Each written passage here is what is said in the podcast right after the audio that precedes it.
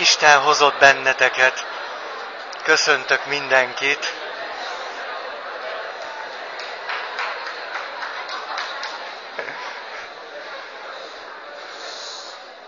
Látom még nem, nem könnyű elhelyezkedni. Remélem sikerülni fog. Mindegy, amíg találtok helyet, addig én dumálok. Aztán előbb-utóbb csak beáll valami. Az erkölcsi ítélethozatalnak a struktúrájáról beszélgetünk, arról, hogy mi az, ami az embert indítja egy morálisan is értékelhető cselekvésre. És az első négy szempontot tudtam eddig elmondani. Szeretném azért őket egy-két perc alatt gyorsan megismételni. Az első a prekonvencionális szint, és annak az első fokozata a heteronom erkölcs, külső vezéreltségű.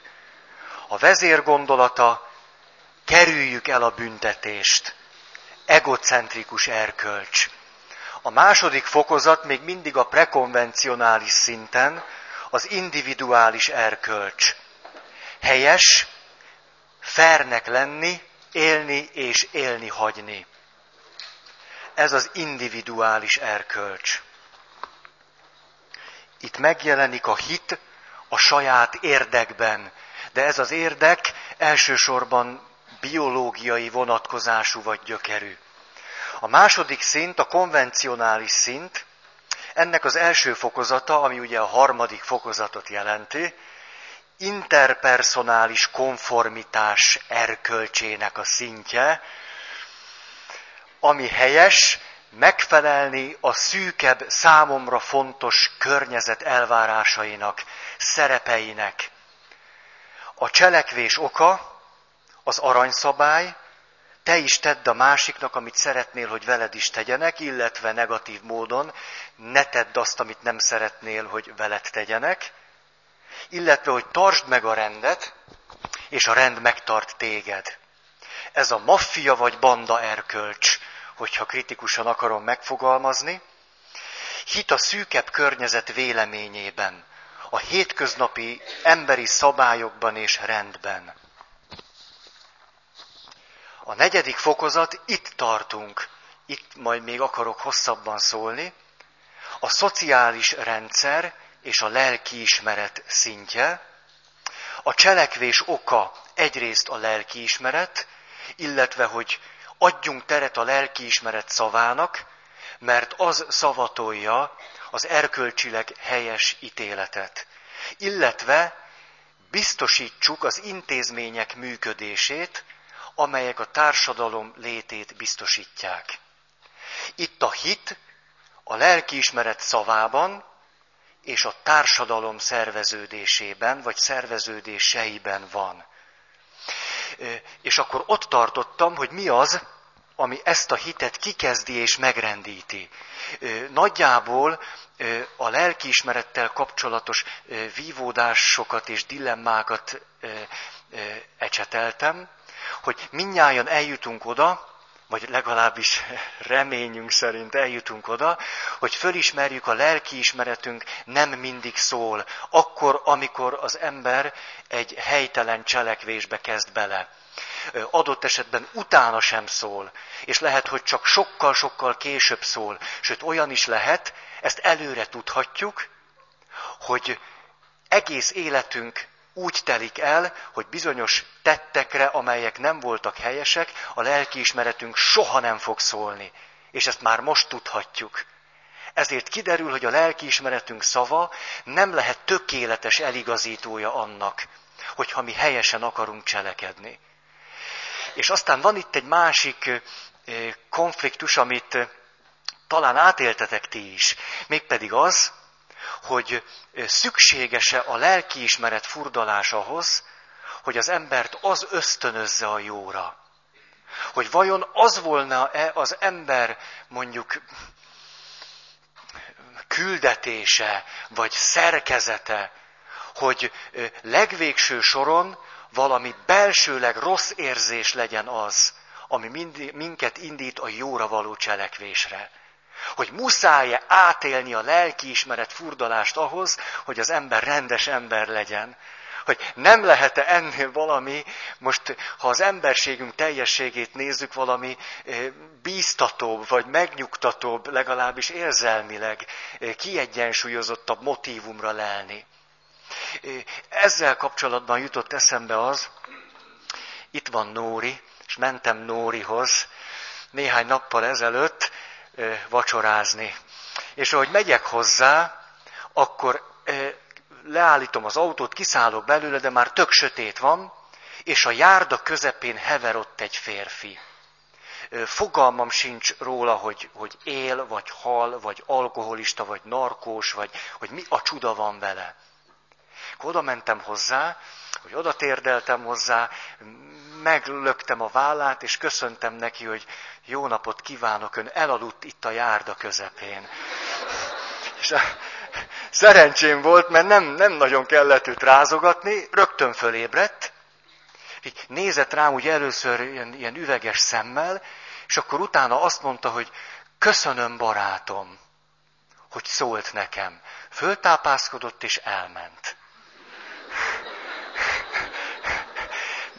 Most úgy látszik, neki csak ennyi kellett, hogy nem tudom, ezt most tanulta meg, hogy van jobb hely, mint a járda közepe, de ez az egész azért jutott nekem eszembe, mert olyan hihetetlen sokat hallom, hogy mondjuk egy, egy utcán heverő férfihez oda menni, éjszaka a sötétben, milyen sok embernek okoz lelkiismereti konfliktust. Hogy most menjek, vagy ne menjek, hogy mit kell csinálni, hogy ez most hogy a csudába van, merjek, vagy ne, vagy hogy. És veszélyes is lehet, hallom. Így van, hát bármi lehet. És mégis a hajléktalan szállón való tapasztalataim során bennem kialakult egy ösztönös cselekvés. Hogyha ilyet látok, Mondjuk így, hogy ráneveltem magam arra, hogy oda kell menni és szólni kell neki. Ki kell deríteni, hogy mi van. Akkor is, hogyha ebben bizonyos veszélyek rejtőzhetnek.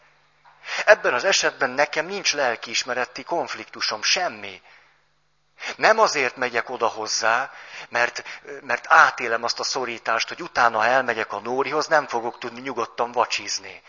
Mert eszembe fog jutni, hogy az űrge ott terül len, és én nem szóltam neki. Vagyis, hogy van tapasztalatunk arról, hogy nem föltétlen ez az erkölcsi szorítás a gyomrunkban, vagy a szívünkben, vagy aztán az emlékezetünkben indíthat bennünket valami helyes cselekvésre. Nem is akarom ezt hosszabban ragozni. Itt beszéltem a bűnről, amit aztán odajött hozzám valaki, nem is tudom, most itt van-e, de nem látom, de már az semmit se jelent, hogy hát jobb lenne nem azt mondani, hogy bűn, mert hogyha itt vannak nem vallásos vagy nem hívő emberek, nekik ez egészen mást jelent, mint a, a hívő közegben, ha elhangzik ez, hogy bűn. Hogy én mondjam azt, hogy céltévesztés. Hát, hát akkor legyen neki. Tehát, hogy amikor eltévesztjük a célunkat, akkor bizony van az úgy, hogy a sose derül ki nekünk. Azt a célunkat mégis elrontottuk és ezzel valami nagy, nagy trutyi került bele a világba. De erről már beszéltem, és mások isszák meg a levét. Ugye a céltévesztésnek nincsen csúnya leve. A másik, mert itt nem csak a lelkiismeretbe vetett hitről van szó, ami táplálja az erkölcsileg helyes cselekvést, hanem a társadalomba vetett hit, az intézménybe vetett hit, Azért fogom ezt a dolgot megtenni, mert ha nem teszem meg, akkor ezzel aláásom annak az végső az egész társadalomnak, vagy annak a nagyon fontos intézménynek a működését, amely szükséges ahhoz, hogy emberi életet éljünk. Adott esetben ahhoz, hogy erkölcsileg megfelelő életet éljünk. Ide hadd hozzak most az egyházon belüli konfliktusokat hogy hogyan rendül meg mondjuk egy hívő emberben ez a hit, és hogyan lehet aztán valahogy, valahogy egy, egy másfajta hitre jutni. egyház tanács ülést tartottunk a plébánián. Ez azt jelenti, hogy mondjuk 6-7 fő-fő ember összejön, és megbeszéljük az elkövetkező negyed évnek a programját. És ugye ez a negyed év, most amit megbeszéltünk, a húsvéttal fejeződik be. Fölmerült az a kérdés, hogy ki fogja elénekelni a húsvéti öröméneket, az exultetet. Most aki hallott már engem énekelni, az most mosolyog. Tudja, hogy ez egy milyen komoly kérdés. Jobb, ha azt nem én éneklem el. És ezt már az egyháztanács tagjai is jól tudják, úgyhogy eme fontos megbeszélés egyik kulcskérdésévé ez vált, hogy ki fogja elénekelni a húsvéti öröméneket. Én nem gondoltam, hogy ez kulcskérdés, és laza mozdulattal azt mondom, hogy majd XY fogja elénekelni. És akkor döbbenetes reakció, emberek lefagynak, szemek elkerekednek, nem, nem jön ki hang a torkokon. Ennek az nagyon egyszerű oka az, hogy én azt javasoltam, hogy egy olyan valaki énekelje el a husvéti öröméneket, aki valamikor pap volt, de azután kilépett.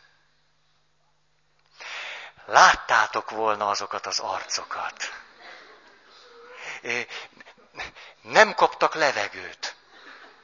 Ezt lehet mondani, és utána valaki azt mondta, hogy de hát ez lehetetlen.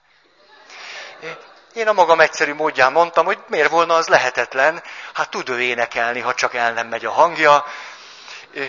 És miután még mindig nem ocsuttak föl a megdöbbenésükből, azt próbáltam mondani, hogy hát tudjátok, múltkor a vasárnappal kapcsolatban, hogy az miért lehet este és nem csak reggel, nem fejtettem ki azt a véleményemet, hogy utolsó vacsorát tartott Jézus, és nem utolsó reggelit. Ezért aztán most mégiscsak előmerészkedek azzal a legalábbis evangéliumban olvasható történeti tényel, hogy a föltámadás első tanúja egy asszony volt, nem is éppen a legnemesebb fajtából, Úgyhogy tulajdonképpen a husvéti öröméneket milyen jó volna, hogy egy bűnös asszony énekelné a megtérése után. Hát, oxigénpalackokat elővették a egyháztanács tagjai, és akkor, akiben még volt némi lélek jelenlét, az a következő ösztönös tiltakozásának adott hangot. De hát Feri, annak az asszonynak nem is hittek az apostolok. Remélem érthető a rendszer számotokra. Tehát az apostolokat kell védeni, akik nem hittek annak, aki elmondta, hogy föltámad Krisztus. A lényeg, hogy azt az asszonyt radírozzuk ki ebből a hagyományból, mert neki ott semmi keresni valója nincs, ezek után megpróbáltak meggyőzni arról, hogy miért papnak kötelessége elénekelni a húsvéti öröméneket. Én azért meghallgattam őket. Ne, ne, ne mondják, hogy nem, de kerekperec elutasítottam ahhoz nem ragaszkodtam, hogy lássák bennem a kompromisszumra való készséget, hogy egy bűnös asszonyt keressünk az örömének eléneklésére. Nem mondhatnám, hogy ettől megnyugodtak. Tehát, hogy úgy érezték, hogy, hogy egy ilyen 50%-os arányban teljesült a kívánságuk. Annyit ígértem még nekik, hogy gondolkodni fogok rajta. Hát ez nem mesik majd nehezemre, látjátok, most is ezt teszem, ti igazolhatjátok. Most miért is akartam ezt elmondani? Azért, mert például a mi egyházi rendszerünkön belül ott feszül ez a belső ellentmondás, hogy egyszerűen a fölháborítónak a, nem hogy a határát súrolja, a kellős közepében van mondjuk egy olyan javaslat, hogy az evangélium szelleméhez hűen egy asszony énekelje a húsvéti öröméneket.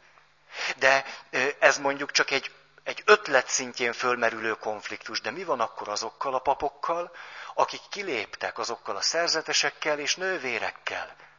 Jelenleg az egyházunkban mondjuk a, a megtűrt kategóriában vannak. A helyzetük nem csak, hogy, hogy, hogy labilis, hanem, hanem kifejezetten kétséges. Ez ami egyházunknak legalábbis megítélésem szerint egy nagyon súlyos belső ellentmondása és konfliktusa. Hogy valaki, aki adott esetben az Isten szavát halva és megpróbálva ebben a kérdésben bukott, az ettől a pillanattól kezdve másodrangú állampolgár. És hozhatnám az egyházi gyakorlatunkból azokat a példákat, amelyek pont az egyház lényegével úgy tűnik, hogy ellentétes folyamattá dagadtak. Lehetne ezt hosszan mondani, inkább most a következtetést, hogy mondjuk a papnevelő intézetben szinte minden évben kiéleződött egyszer-kétszer bennem az a mély konfliktus, hogyha engem fölszentelnek pappá, akkor én a puszta létemmel törvényesíteni fogok egy olyan rendszert, amivel nem minden szempontból értek egyet. Az egyházzal egyet értek, mint egyházzal. De adott esetben az egyház, ahogy működik, azzal nem értek egyet. De én ennek az egyháznak hivatalos tagja vagyok. Mit kell akkor csinálnom? Például én papként megtehetem-e azt, hogy egy nyilvános helyen, mint ahol most vagyunk, azt mondom, én az egyház ezen véleményével nem értek egyet. Megtehetem én ezt? Erkölcsileg kötelezett vagyok-e arra, hogy ne csak, hogy az egyház véleményét közvetítsem, hanem, hogy azzal egyetértsek, vagy ha nem értek egyet, akkor fogjam be a szám. Megtehetem -e én ezt? Vagy mi van akkor, hogyha egy olyan, olyan dologba kényszerülök bele, amivel nem értek személy szerint egyet? De jelenleg az egyház így működik. Mit kell akkor csinálnom? Amióta pap vagyok is, nem egyszer kiéleződik ez a konfliktus, és nyilván a világi rendszerekben vagy intézményekben ugyanúgy kiéleződik ez. De azért akartam az egyházat példának hozni, mert látszólag az az az intézmény, ahol a legjobb talajon állunk. Tehát ahol maga az intézmény a működés módjával, az elveivel leginkább kéne, hogy hasonlítson a legteljesebb erkölcsi elveinkhez. Például, szia, például, csak még egyet had, hihetetlenül viszket tőle a hátam, amikor arra gondolok, hogy mi nyilvánosan sosem mondtuk azt, hogy a diktatúra alatt a békepapság olyan dolgokat tett, amelyek az egyház lényegével ellentétesek voltak. Egészségedre. Pedig nem is békepap. Na, hogy hogyan, hogyan lehetséges az, hogy mondjuk mi, akik a szószékről most elkezdődik advent a bűnbánati időszak, elkezdünk nektek vagy dörögni, vagy könyörögni, vagy érvelni, vagy okoskodni arról, hogy tartsatok ám bűnbánatot. És teljesen egyértelműnek vesszük, hogy személyesen bűnbánatot kell tartani. De nyilvánvaló, hogy az életünk nem csak ebben a nagyon személyes egyéni viszonyban áll, hanem intézményes formákban is. Tehát van szociál erkölcs, van társadalmi erkölcs, ami azt jelenti, hogy az egyháznak, mint intézménynek ugyanúgy kell tudnia bűnbánatot tartani. És ha ezt nem teszi meg, akkor ugyanazt az elvet sérti meg, amelyre pedig oly nagyon hivatkozik az egyéni élet szintjén. Hogy lehetséges az, hogy a magyar katolikus egyháztól én az utóbbi néhány száz évben, bár nem éltem annyit, nem nagyon hallottam ilyen hivatalosan önkritikus hangot. Mert itt nem elég az, hogy egyes ember kiáll és azt mondja, hogy ezt én nem csináltam jól, mint az egyháznak a tagja, vagy az egyháznak mondjuk papi képviselője. Itt az egyházat érinti egy ilyen erkölcsi kötelesség, hogy mint egyház nyilatkozzék. Én nem nagyon vettem részt ebben a pedofil ügyben, semmilyen módon. Remélem ennek örültök, de Szóval ne, ne, nem tudom, ezt csak körülbelül a hír szintjén hallom. De annyit hallok, hogy szóltak nekünk, hogy, hogy hát ne tusoljunk el már mindent. Ugye ezt minden intézmény így csinálja, úgyhogy ezzel így önmagában semmi baj nincs. Mert ez az intézmények működés módjához hozzá tartozik. Engem nem az zavar, ha az egyház, mint intézmény úgy működik, mint bármilyen világi intézmény. Mert hát nyilván az egyház is bizonyos szempontból világi intézmény. A, ott kezd el zavarni, hogyha ugyanúgy működik. Ha csak úgy működik, az rendjén van. De ha ugyanúgy, az nincs rendjén. Mert valamit akkor azokból az erkölcsi elvekből, amelyek az egyház lényegéhez tartoznak, intézményes szinten is meg kellene tudni valósítani. És ezek a konfliktusok nagyon ki tudnak éleződni akkor, minél inkább elköteleződsz az egyház mellett, akár mint intézmény mellett is. És a helyzet ezen a szinten erkölcsileg föloldhatatlan. Ezért van szükség arra, hogy egy magasabb, mondjuk szemléletmódra vagy működésmódra lépjünk, mert ott adott esetben ez a konfliktus már feloldható.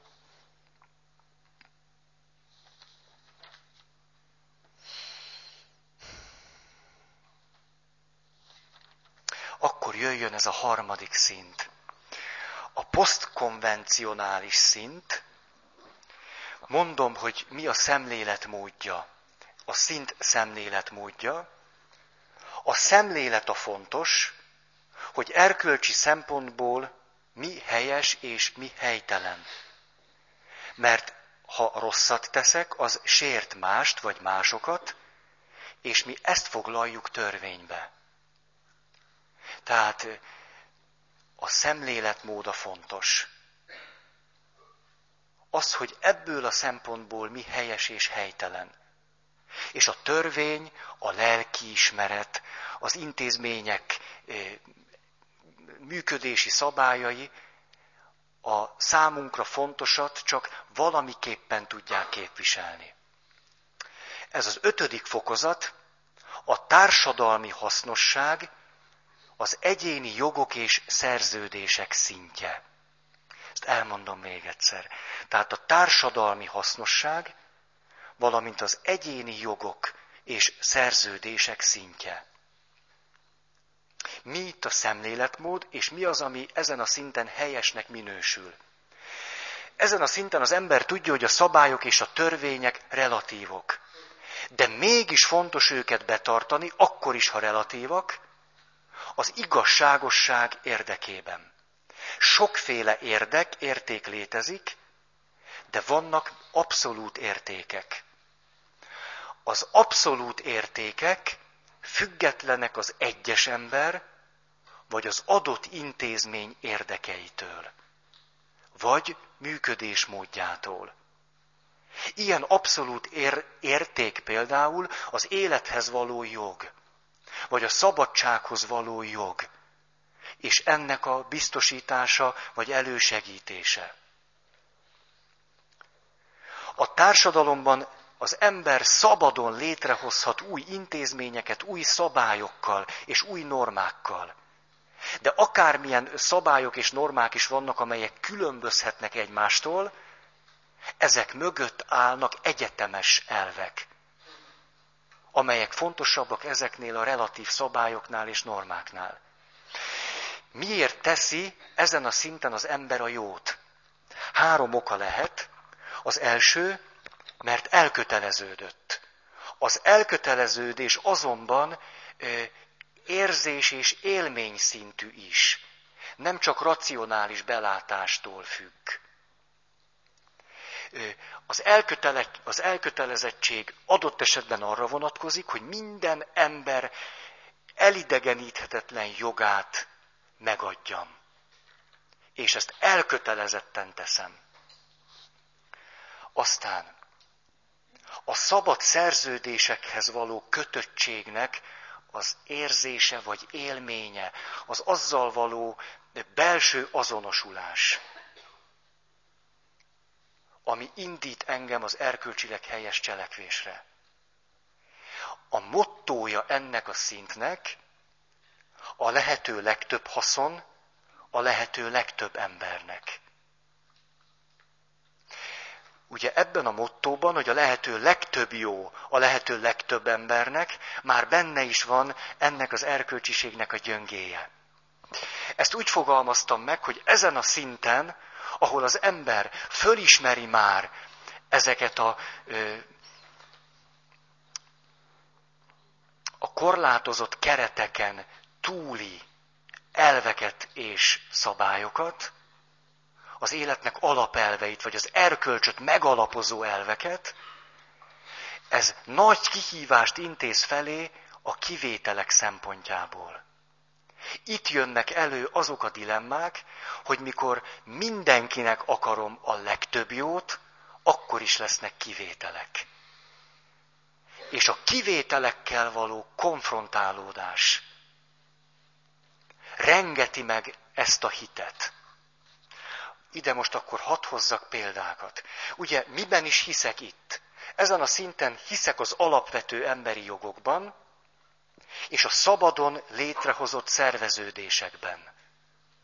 Beleértve a társadalmat is. Tehát hit az alapvető emberi jogokban és a szabadon létrehozott szerveződésekben. Nagyon sokat tanultam én az úgynevezett humanista pszichológiától. Vagyis attól a nézőponttól, hogy minden ember magában hordja a saját mondjuk kiteljesedéséhez szükséges készségeket, vagy azoknak a készségeknek a csíráit. Hogy minden ember képes felelősséget vállalni a saját életéért. És hogy nekem mondjuk segítőként, papként, az a kötelességem, hogy őt abban segítsem, hogy ő fölismerje a saját lehetőségeit, hogy önmagát kibontakoztassa, és hogy higgyek abban, hogy ő erre alkalmas és kész. Csak hogy mondjuk előveszem egy pszichiáternek a könyvét, aki arról ír, hogy létezik olyan, hogy gonosz ember. Hogy miközben bennem volna egy hit, hogy minden embernek adjuk meg az egyenlő jogokat. Az élethez, a szabadsághoz. Mi történik akkor, ha most mindegy ebből a szempontból, hogy miért, de hogy élnek köztünk olyanok, akik úgy tűnik, hogy mintha a szívüknek, hát talán, mert én azért hívő vagyok, ha nem is a szívük legmélyéből, de majdnem a legmélyéből fogadóan gonoszak. Meg kell -e adnunk a gonosz embernek a személyi szabadságot, az emberi jogokat? Hogyan kell ő neki ezt biztosítani? Inkább ezt mondom, hogyan? Ha ilyen létezik, akkor hogyan? Ha tudom, hogy nyolc embert gyilkolt eddig le, és ki fog szabadulni 127 éves korában, és az első dolga az lesz, hogy a bírót ledöfi, akkor kiengedem-e 127 éves korában? Azért, mert neki akkor letelt a büntetése, és joga van a szabadsághoz. Mondok még kivételeket, ezt talán már tőlem ismeritek, főleg akik régebben ismertek. A hajléktalan szálló jutott megint eszembe, akik között vannak kivételek. Olyanok, akik soha nem fognak beletartozni abba az általunk kitalált társadalomba. Mi persze azt mondjuk, hogy ők a társadalom peremére szorultak, de valójában ők azon kívül vannak. Kívül vannak azért, mert mi nem nagyon vagyunk képesek arra, hogy őket belülre hozzuk. Egyszerűen azért, mert ők a kivételek. És eszembe jutott Kárpa Imi. Kárpa Imivel körülbelül 12-13 évvel ezelőtt ismerkedtem meg. Az utcát rótta, télen a nagy hidegben jött csak be a hajléktalan szállóra, és ez még 1989-ben volt, akkor ő megtanított engem valamire. Egyszer azt mondja nekem, Feri, megmutatom neked a legjobb barátomat. És én akkor azt gondoltam, hogy itt, itt valami csoda történt, mert hiszen Kárpa Imi soha senkit nem nevezett barátjának.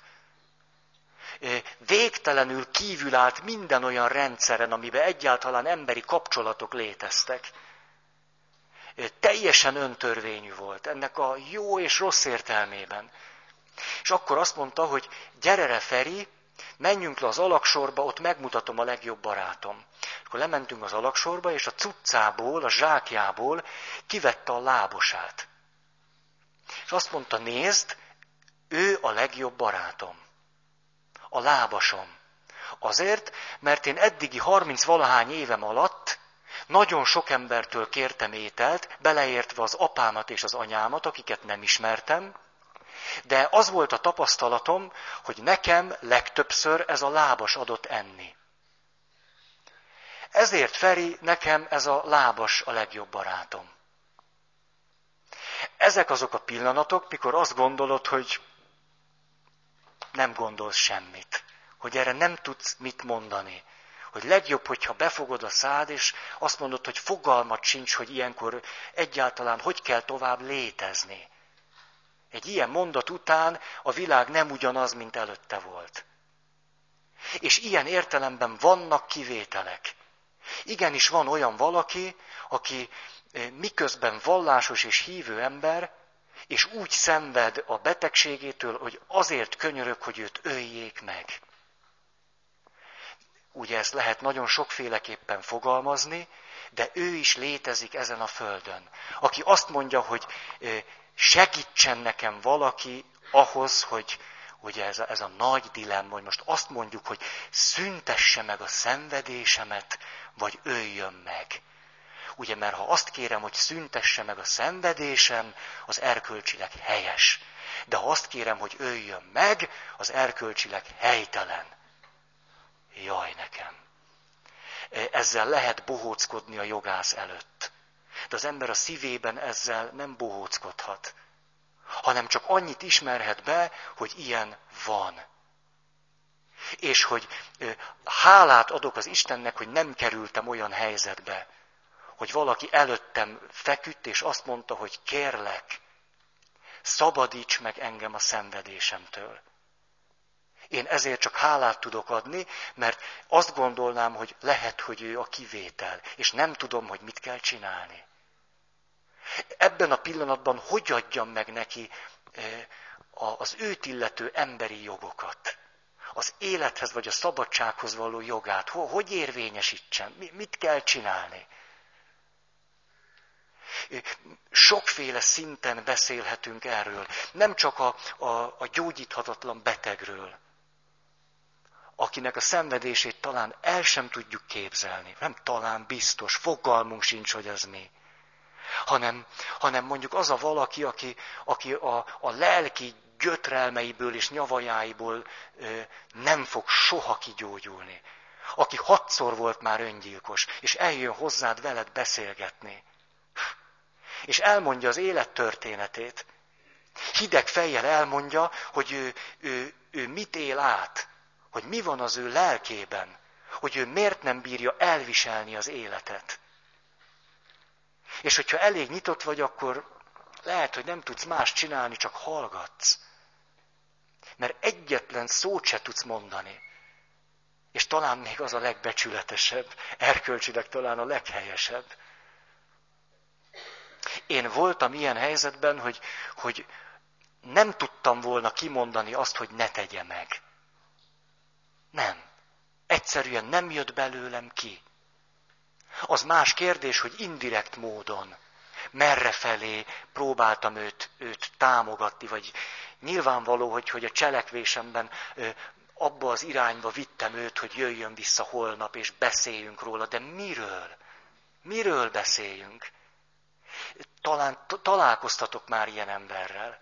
Mikor tudod azt, hogy ez más, ez holnap sem lesz más, de tíz év múlva sem lesz más. Ez nem lesz más nincs miről beszélni. Mentem én már a pszichológushoz, nem is egyhez, hogy mondja meg nekem, hát egy valamennyi lélektani ismeret birtokában tudom azt, egy pár alkalom után, hogy az illető nem fog kigyógyulni a bajából, ha csak csoda nem történik. Az történhet. De hogyha csak úgy megy előre az élete, soha ettől nem fog megszabadulni. És akkor mit kell csinálni? kérdeztem ezt a számomra tekintélyt, pszichológust, 60 éves elmúlt bölcs valaki, hogy mond, hogy ha, ha te a 40 éves praxisod után találkozol egy ilyen valakivel, akkor mit csinálsz? Mert mennyi idő, míg erre rájössz? Azt mondta, hogy hát körülbelül egy órás beszélgetés elég hozzá. Persze csodák vannak, de egy óra alatt ezt lehet tudni. Kérdezem, hogy és akkor hogy váltok el? Azt mondja, hát lehet, hogy jár hozzám évekig. De nem fog meggyógyulni. Ezek azok a kivételek, amelyek a, társadalom szintjén is, az egyén szintjén is hihetetlen élesen fölvetik ezeket a konfliktusokat, hogy akkor mi a helyes.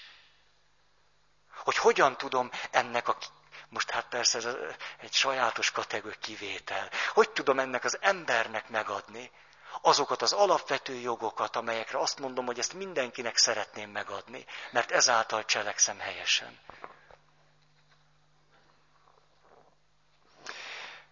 Egy záró történet ide, ami az utóbbi időben leginkább arcon ütött.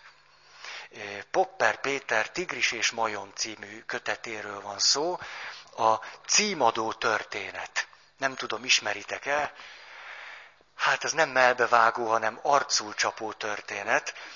Popper Péter elmegy, hogy megtanuljon egy cigány asszonytól kártyát vetni.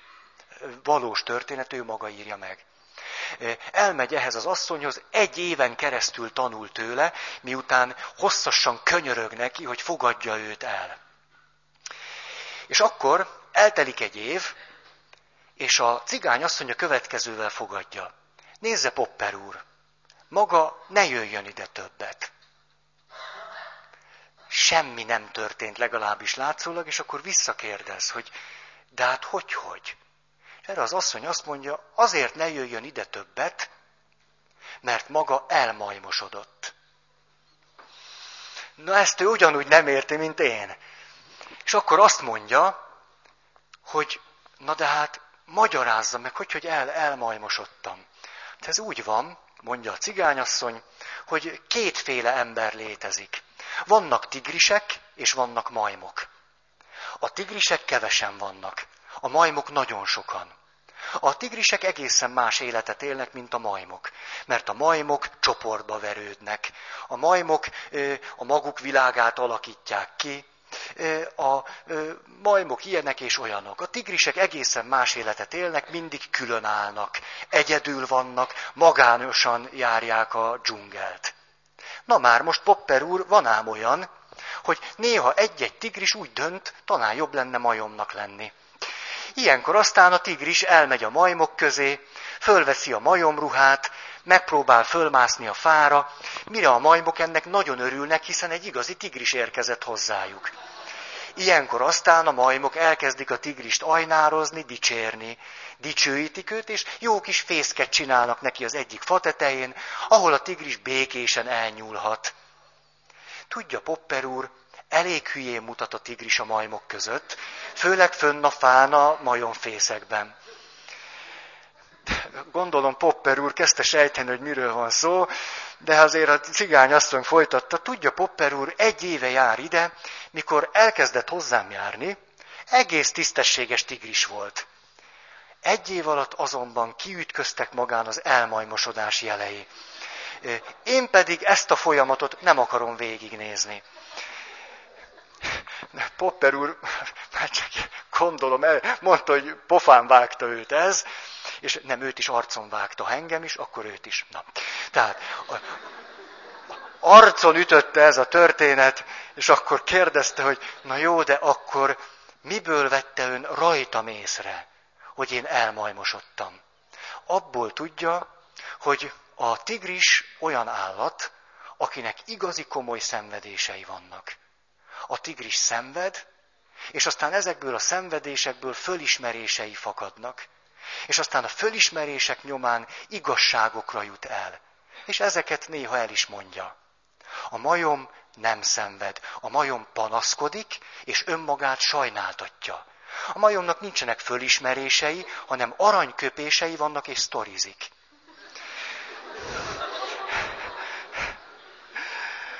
Kedves Popper úr, ön mióta hozzám jár, egyre többet sztorizik, és egyre több aranyköpése van. Ne jöjjön többet.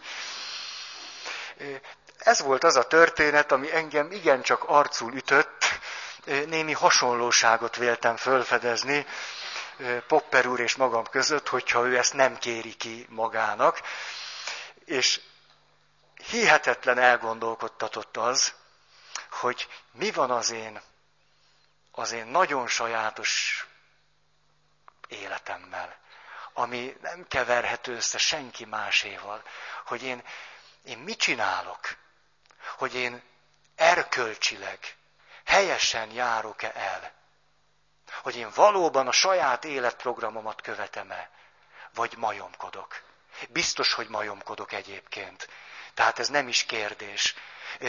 Sőt, arra jutottam el, ezt kérdeztem meg magamtól, hogy, hogy voltam-e én valaha tigris. Mert nyilván azzal azonosultam, tudjátok. Hát, hát azért van bennem önbecsülés nyilván. Hogy egyáltalán, vagy, vagy most kéne elkezdeni tigrisnek lenni, vagy ez hogy van?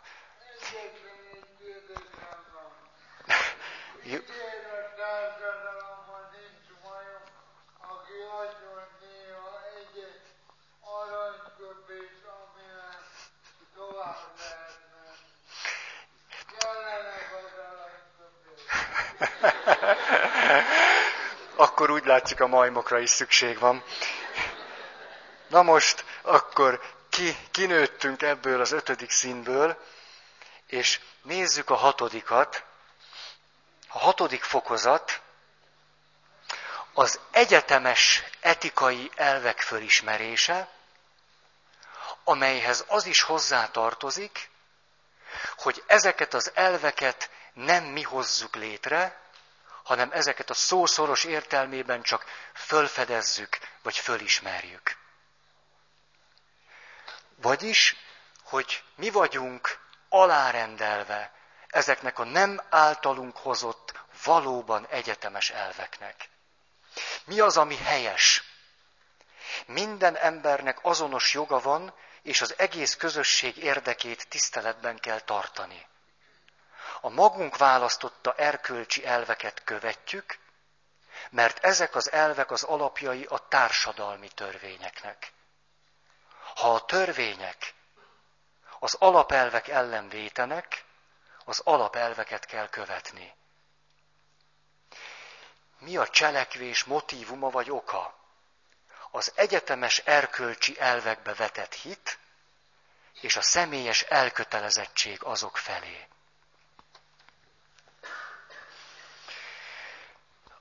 Az egyetemes erkölcsi elvekbe vetett hit már-már az Istenbe vetett hitet föltételezi, illetve elővételezi. Lehetségesek-e egyetemes erkölcsi elvek, ha nincs valaki ezen egyetemes erkölcsi elvek mögött? Honnan fakadnak az egyetemes erkölcsi elvek, ha kimondom azt, hogy ezek léteznek? Tehát itt nagyjából mondhatom azt személytelenül, hogy itt a hit egyetemes elvekre vonatkozik. Ha személyesen akarom ezt mondani, akkor ez az Istenbe vetett hitet jelenti.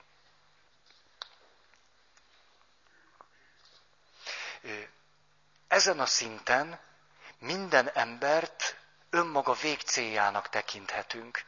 Ezért minden embernek öröktől fogva nem tőlünk függő egyetemes méltósága van, és az ember ezt a méltóságot nem veheti el a másiktól. De az ember ezt a méltóságot el sem veszítheti. Ahogy erről egyszer beszéltem, ez azt jelenti, hogy az ember a maga emberi méltóságát nem tudja elveszteni, legfőjebb élhet úgy, mintha az neki nem volna. De olyan nincs ezen a szinten, hogy az ember méltatlan.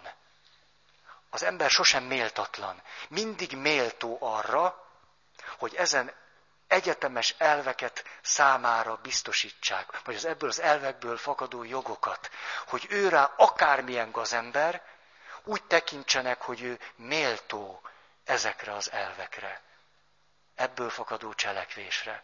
Mert hogy azt Ő bármit is csinál, nem tudja elveszteni.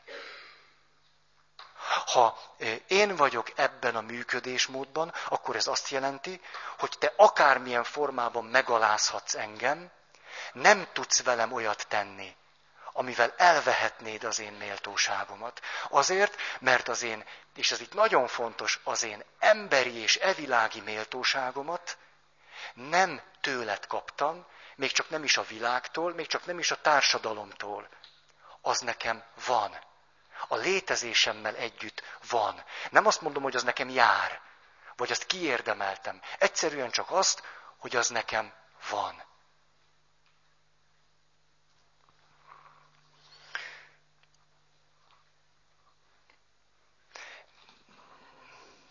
Ez volna a hatodik szint. Szeretnék most már így nem is annyira összefoglalóan, inkább csak, hogy miután már mindezt elmondtam, egy-két megjegyzést tenni még. Az egyik, hogy ugye, hogyha az első két szintet nézzük, hogy félek a büntetéstől, attól, hogy lebukok, vagy elkapnak. Illetve a prekonvencionális szintnek a második fokozata, amikor a saját, többé-kevésbé biológiai késztetésemnek felelek meg, és ez számomra a jónak a forrása. Az élni és élni hagyni motívuma. Ugye, ez többé-kevésbé lefedi a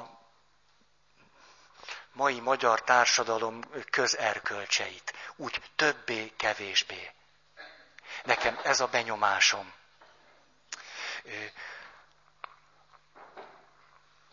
Ugye, ami a megdöbbentő ebben, hogy hogyha a társadalmunkról beszélünk, akkor azt mondhatjuk, hogy a legtöbb ember a kapcsolataiban, a viszonyaiban, ebben a világban egy olyan erkölcsi elv alapján él, amely megelőzi a társadalmi szerveződés szintjét.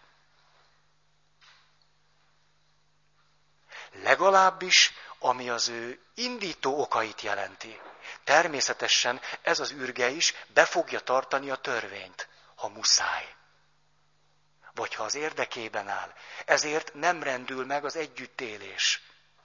De nem azon az alapon működik, ami ebből az együttélésből logikusan fakadna, hanem annál egy megelőző formából.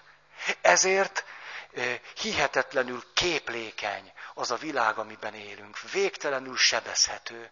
Erkölcsileg mindenképp. Nem, de ezt megéljük nap, mint nap. Hogy egy olyan világban élünk, ahol erkölcsileg nagyon sok biztosíték hiányzik.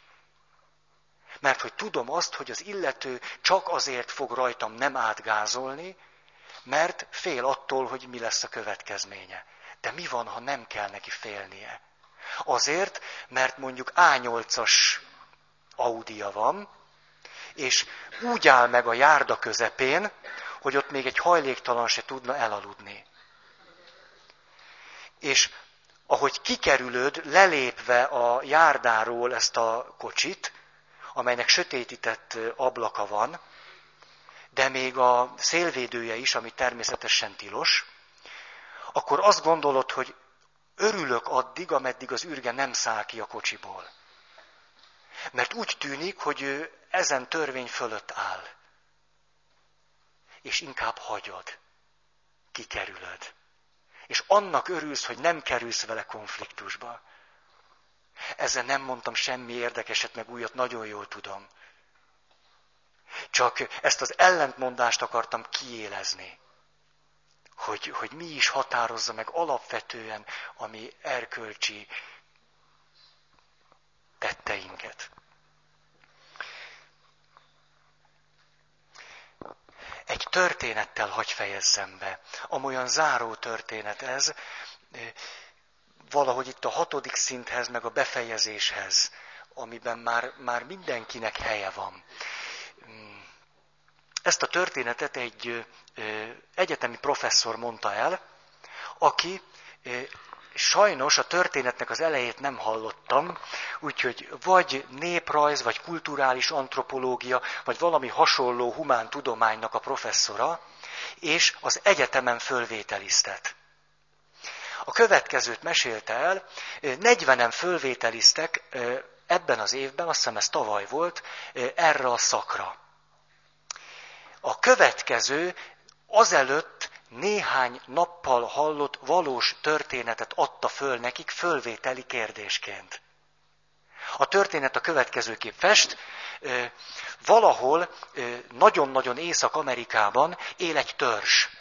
Egy eszkimó törzs, amely évente egy kultikus és szakrális ünnepet tart, és ennek az ünnepnek a kapcsán körülbelül 50 bálnát ölnek le.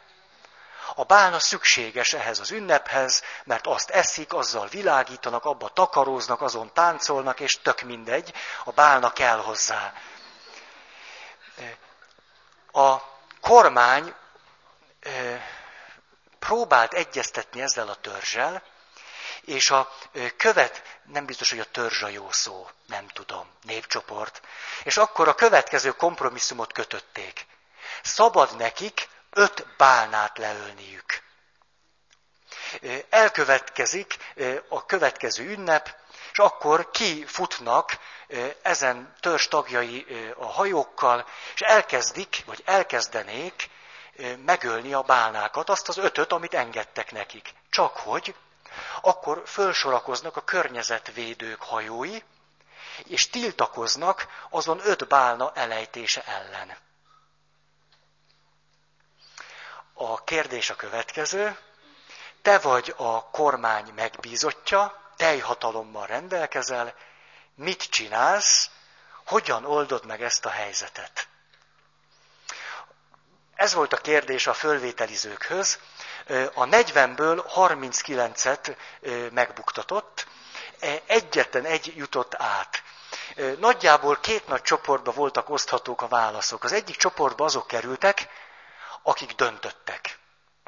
Tehát, vagy a bálnáknak van igazuk, vagy a környezetvédőknek, vagy a népnek, vagy az államnak, valakinek igaza van, ha az állam a megbízó, akkor annak van igaza, mindegy, teljesen. Ő tehát ennek értelmében oda megy és eljár. Ennél árnyaltabb volt azon csoport válasza, akik úgy gondolták, hogy őket föl fogják venni. Mert ők nagy bölcsen, kultúráltan a következő választ adták. Hát természetesen azt kell csinálni, hogy oda megyek, és akkor összehívok egy találkozót, és akkor, akkor egyeztetünk, és beszélünk, és érdekeket ütköztetünk, és akkor majd kiderül, hogy mit kell csinálni. Egyetlen egy valaki volt, legalábbis a professzor szerint, aki azt mondta, hogy már egyetlen egy valaki volt, akiről a professzor azt mondta, hogy őt volt érdemes fölvenni, az ő válasza következőképp hangzott, hogy mit kell csinálni, arról nekem halvány fogalmam sincs. Ezért aztán el fogok oda menni, és mindenkivel beszélek. És hogy azután mit fogok csinálni, arról sincs halvány fogalmam se. Professzor azt mondta, ő lehet egy jó kultúrantropológus, vagy néprajzos, vagy nem tudom, az összes többinek még sokat kell tanulnia. Na most, egy, amiről eddig beszéltem, ez ugye egy ilyen alapkutatásnak számít, és sokan ezen alapkutatás kapcsán, ezt tovább fejlesztve elkezdtek vizsgálódni, hogy hogy működik ez, hogyan történik az egyik fokozatból a másikra való átmenet. Ezt most csak néhány percben mondom el. Hű, de megy az idő. Na, Móze Blatról van szó, hát hogy tudjátok ezt nagyon fontos tudni, ő azt vizsgálta, hogy általános iskolában milyen módszerek segítik hozzá a diákokat, hogy az egyik szintről átlépjenek egy magasabb szintre az erkölcsi motiváció szempontjából. A következő kísérletet végezte hatodik osztályosok között. 12 héten keresztül Folyamatosan tartott olyan beszélgetéseket, amelyekben dilemma szituációkat adott föl, amilyenekről beszéltünk már, meg amilyeneket mondtam, és utána órákon keresztül beszélgettek arról, hogy ki mit csinálna, miért csinálna. Ő ezeket a beszélgetéseket irányította és vezette, nyilván annak tükrében, hogy mit gondolt ő az ott elhangzott vélemények alapján, mi volna számukra egy magasabb szint. 12 hét elteltével azt állapította meg, hogy a hatodik osztályos tanulók 64%-a egy egész szinttel följebb lépett. Egy év múlva megismételte a kísérletet, már csak azt a részét, hogy vajon mi az, ami irányítja az ő erkölcsileg értékelhető tetteit, és akkor kiderült az, hogy egy év múlva is a döntő többségnél megmaradt ez a szintemelkedés. Vagyis, hogy belsővé vált. Attól kezdve ők egy magasabb szinten hozták meg a döntéseiket. Ehhez hat hét irányított beszélgetés elegendő volt. Megismételte sokféleképpen kontrollcsoportokkal a kísérletet, kiderült az, hogy ahol hat hétig ugyanezekkel a konfliktusokkal kapcsolatban beszélgettek egymással, de vagy nem volt csoportvezető, vagy a csoportvezető nem irányította és nem terelte a beszélgetést, ott nem történt változás. Természetesen, ahol nem volt ilyen beszélgetés, ott sem történt változás. Itt van köztünk valaki, aki ezt a kísérletet néhány évvel ezelőtt egy nagyobb kísérlet részeként Budapesti és vidéki iskolákban is elvégezte. Tőle kaptam az ő anyagát, és ebből csak néhány nagyon érdekes következtetést, mert ez egész friss, 1998-as. Vidéki és budapesti, felekezeti és állami iskolákban történt ez a kutatás. Nem reprezentatív, ezt nagyon hangsúlyozom. De ami így néhány iskola alapján kiderül, csak hogy lássatok egy képet. Kiderült az, hogy vidéken jobb a helyzet, mint Budapesten. Azután. Az is kiderült, hogy a felekezeti iskolákban jobb a helyzet, mint az állami iskolákban. A kísérletet egyébként gimnazistákkal végezték, másodikos, harmadikos és negyedikes gimisekkel. Kiderült az, hogy még a negyedikes gimnazistákat is beleértve, a döntéseiknek a motivuma az első és a negyedik szint között mozgott.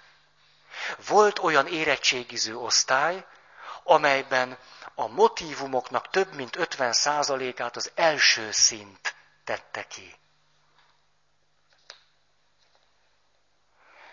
Általában a beszélgetés végére az arány elmozdult a magasabb szint felé. Nagyjából úgy, hogy mielőtt elkezdték a beszélgetést, az osztálynak valamivel több mint 50%-a mondjuk az egyes és kettes szinten volt, és a beszélgetés végére az osztálynak egy picit több mint 50%-a mondjuk már a kettes szinten volt, vagy a kettes és a hármas szinten. Volt olyan osztály, ahol nem történt elmozdulás, és olyan osztály is volt, ahol visszafelé mozdultak el, akkor, hogyha nagyon markánsan képviselték mondjuk az egyes vagy kettes szintnek az álláspontját. Ez azért mindenképpen elgondolkodtató, azt hiszem. Akkor, most ezt B Ezzel egy nagyobb egységet le fogok most zárni, és a következő vívódásomnak adok hangot, hogy kezdem azt tapasztalni, hogy nagyon elmentünk az elmélet irányába hogy itt nagyon-nagyon már, már tele vagyunk ezzel. Ezért most egy az eddigiekhez képest nagyon más, legalábbis reményem szerint más, de elvi megközelítést szeretnék nektek előadni, és utána sokkal gyakorlatiasabb dolgokat akarok majd elővenni, de természetesen megmaradunk a hit témakörénél. A hitből való cselekvés, értelem, érzelem, ösztönök, észlelés, szóval picit, picit belemennénk a konkrétumokba. És akkor sokkal gyakorlatiasabb dolgokat szeretnék majd mondani, mert talán most már ez elég, vagy talán sok is.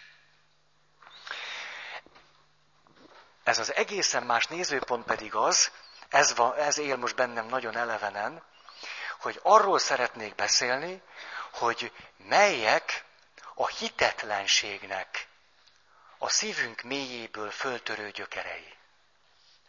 Nézzük most meg ezt az egész kérdést a másik oldalról. Arról szeretnék beszélni, hogy igenis létezik olyan, hogy az ember a hite által kerül veszélybe. Hogy létezik olyan, hogy minél jobban hiszek, a létem anyá, annál fenyegetettebbé válik. Vagyis, hogy a hit elmélyülése az egy belső, az egzisztenciámmal, de most nem anyagi értelemben, a létezésemmel összefüggő fenyegetést fog jelenteni. Sőt, fordított arányban. Vagy hát az nem is tudom milyen arány. Tehát, hogy minél jobban hiszek, annál jobban félek. Az nem fordított arány. Teljesen egyenes arány. Vagyis, hogy az ember kénytelen kevésbé hinni, azért, hogy az önmaga életét föntartsa. Nem föltétlen csak biológiai értelemben. Nyilván, nyilván belső öntudat, én tudat, érzelem, értelem szempontjából. Sőt, arról is szeretnék beszélni, és ez az én most nagyon izgalmas fölismerésem magam felé, hogy a hitben, főleg az Isten hitben van egy eleve adott belső konfliktus. Vagyis, hogy nem tudjuk kikerülni azt, hogy a, a létezősünk mélyéről ne fakadjanak föl a hittel szembeni erők, amelyek éppen azért fakadnak föl, hogy bennünket megvédjenek. És ez a hit anatómiájához belülről hozzátartozik. Erről szeretnék beszélni. A célom az az, hogyha látjuk azt, hogy milyen mérről fakad föl bennünk a, a, a hittel szembeni ösztönös tiltakozás, akkor ö, rácsodálkozhatunk arra, hogy adott esetben azért nem mélyítjük el a hitünket, és adott esetben azért nem mélyül el az életünk, nem lesz gazdagabb valamilyen irányban, mert egy nagyon méről fakasztó ö, önvédelem, vagy énvédelem, vagy tiltakozás létezik bennünk, amelyel azonban tudnánk tudatosan valamit kezdeni. Ha már tudjuk, hogy ez az, ami a mi hitünket megakadályozza, vagy megakasztja, akkor kezdhetünk vele dolgozni, és így egy erősebb hitnek adhatunk teret. Miközben ez a konfliktus úgy tűnik, hogy a hit lényegéből fakad. Tehát soha teljesen nem oldódik föl, vagy mit tudom én, hogy van de ezt majd ti is látni fogjátok.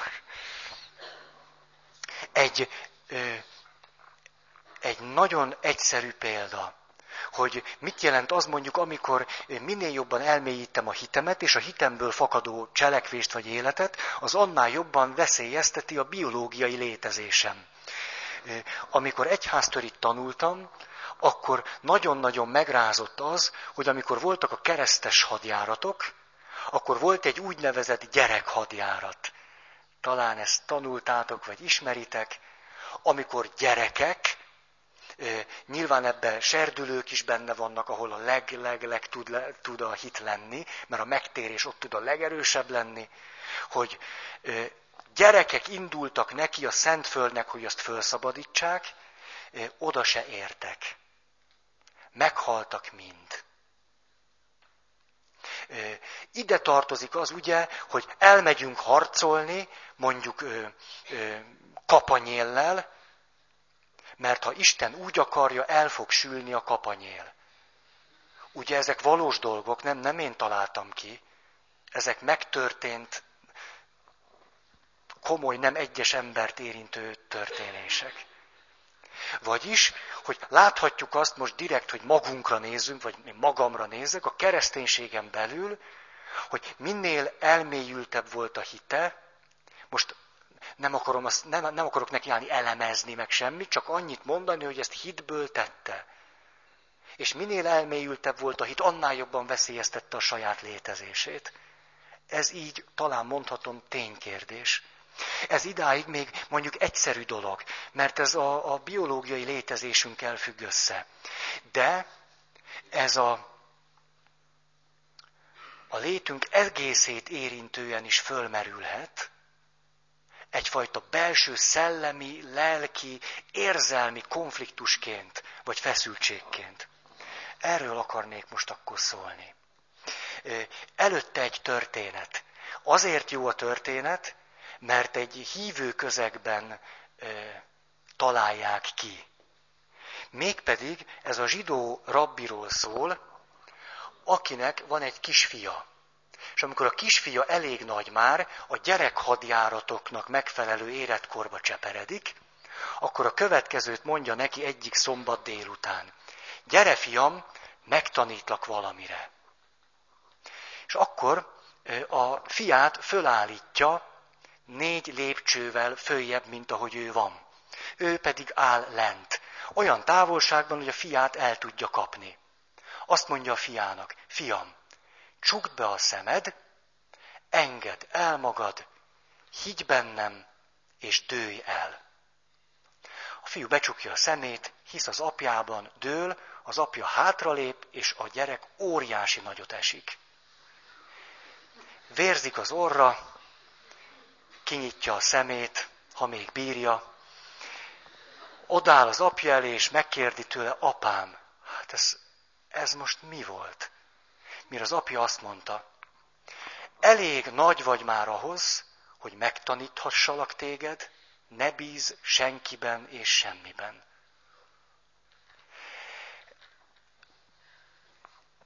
Csak egyetlen megjegyzést fűztem ehhez. A történet hívő közegben születik. Nem ateisták találják ki ellenünk, vagy a bosszantásunkra, vagy mit tudom én miért.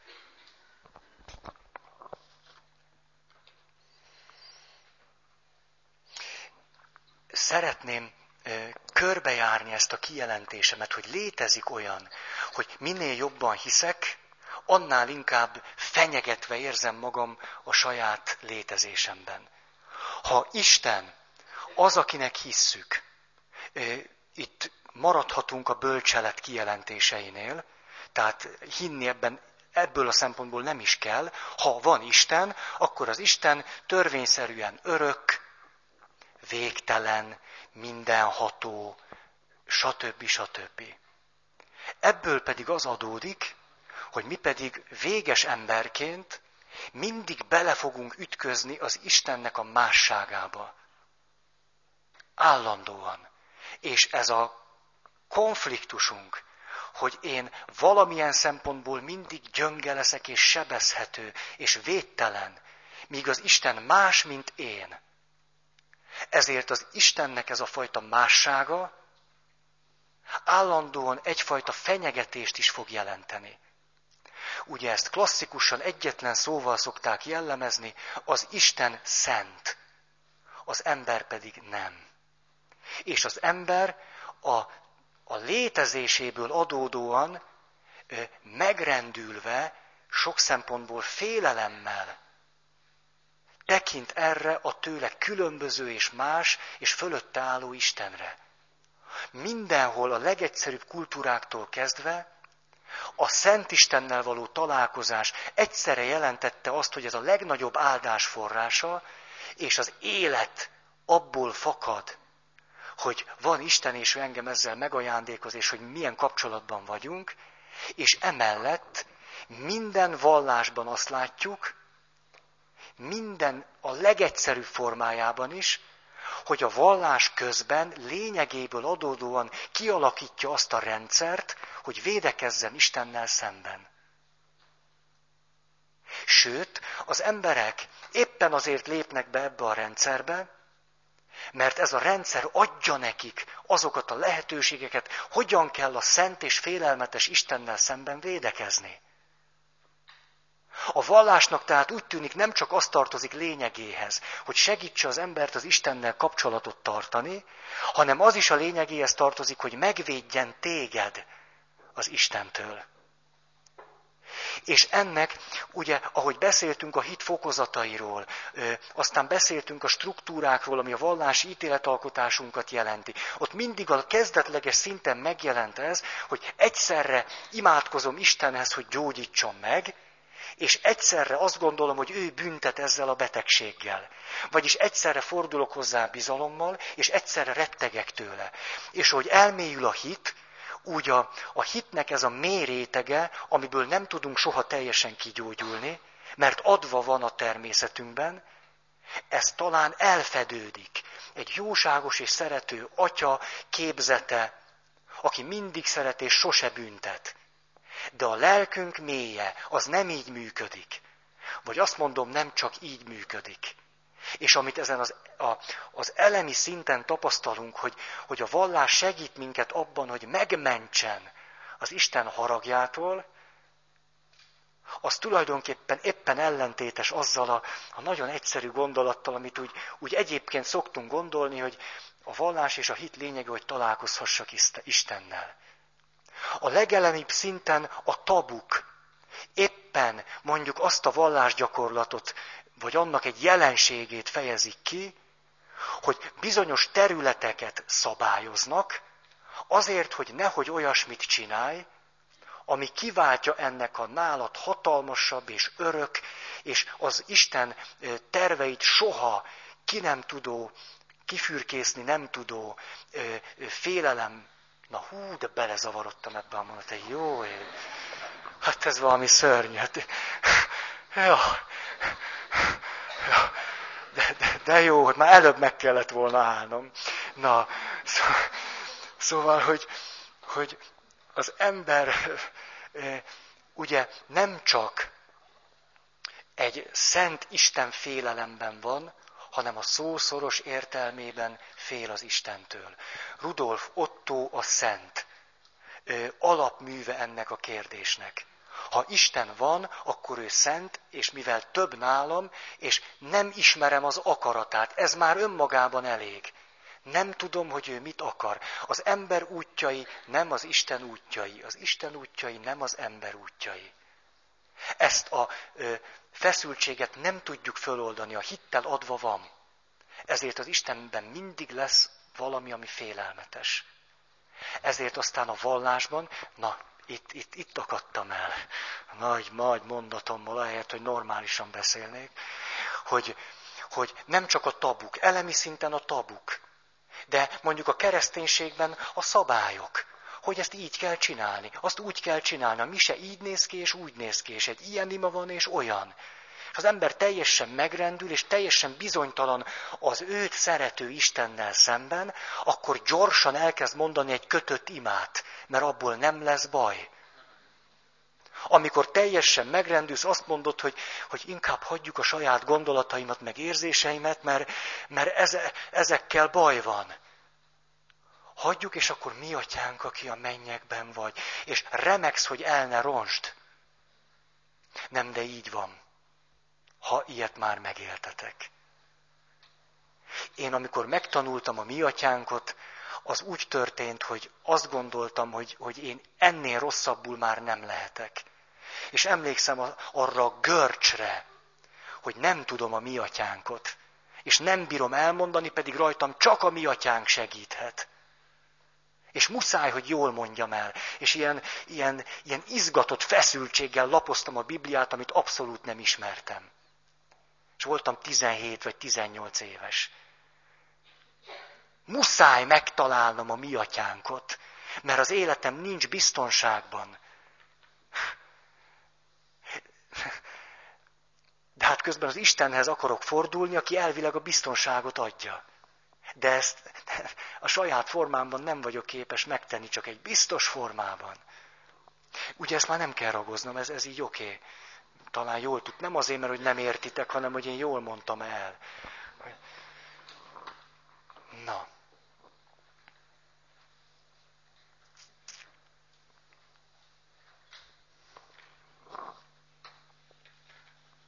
Ugye, csak még egy, egy, egy rövid mozzanat ide. Nem csak az Ószövetségben olvashatjuk azt, hogy nem lehet akárhogy megjelenni az Isten előtt. hogy az egész Ószövetséget tekinthetjük annak, hogy az Isten hogy jön egyre közelebb az emberhez, míg végül Jézusban egész közel érkezik hozzánk. Miközben az Ószövetségben olvassuk másfelől azt, hogy amikor az Isten megjelenik, akkor le kell vennem a sarumat. El kell fednem az arcomat. Nem láthatom Istent szemtől szembe. Ahogyan ö, Mózes könyveiben ez szerepel egészen határozottan, élő Isten nem lá... élő Isten, élő ember nem láthatja meg Isten arcát, mert aki szemtől szembe látja Istent, annak meg kell halnia. És ugye Mózes azért olyan rendkívüli személy, mert látta Istent, és nem halt meg.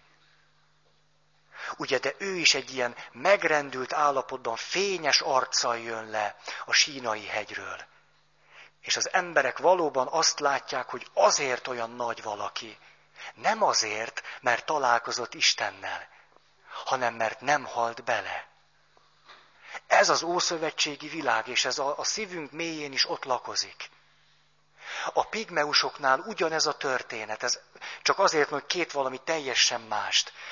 A teremtés mítoszukban az Isten személyesnek képzelik el, és az Isten személyes teremtőként nemz, ugye, hogy hogy meg, mint azt nem tudjuk, mert nincs felesége, de hát egy Isten bármit meg tud tenni, nemz is szül is egyszerre két fiút, meg egy lányt. De a lány nem láthatja apját. Tilos neki.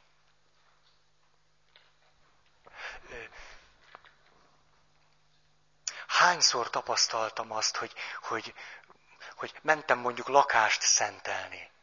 És akkor, akkor kérdezték, most akkor mit kell csinálni? Most hogy kell ezt csinálni, hogy ez jó legyen? Mert ebben nem csak az van, hogy, hogy ha jól csinálom, akkor nyerek vele, nem, de benne lehet az is, ha rosszul csinálom, akkor viszont mi lesz? Hogy van-e úgy a vallásban, ha jól csinálom, akkor rendben van, ha rosszul, akkor meg nincsen semmi. Így működik ez? Most a szívünk mélyé lakozó vallásról beszélek. Ezért ugye a, jaj, hát én már mi, mi nem fejeztem be, hát mit csinálok? Ez egyet bizonyít, hogy, hogy ezt marára élvezem, de akkor elnézést ezért, mert tudom, hogy van hirdetni való is, akkor találkozunk jövő héten, és akkor erről még, még beszélhetünk. Tudom, hogy van hirdetés. Márti,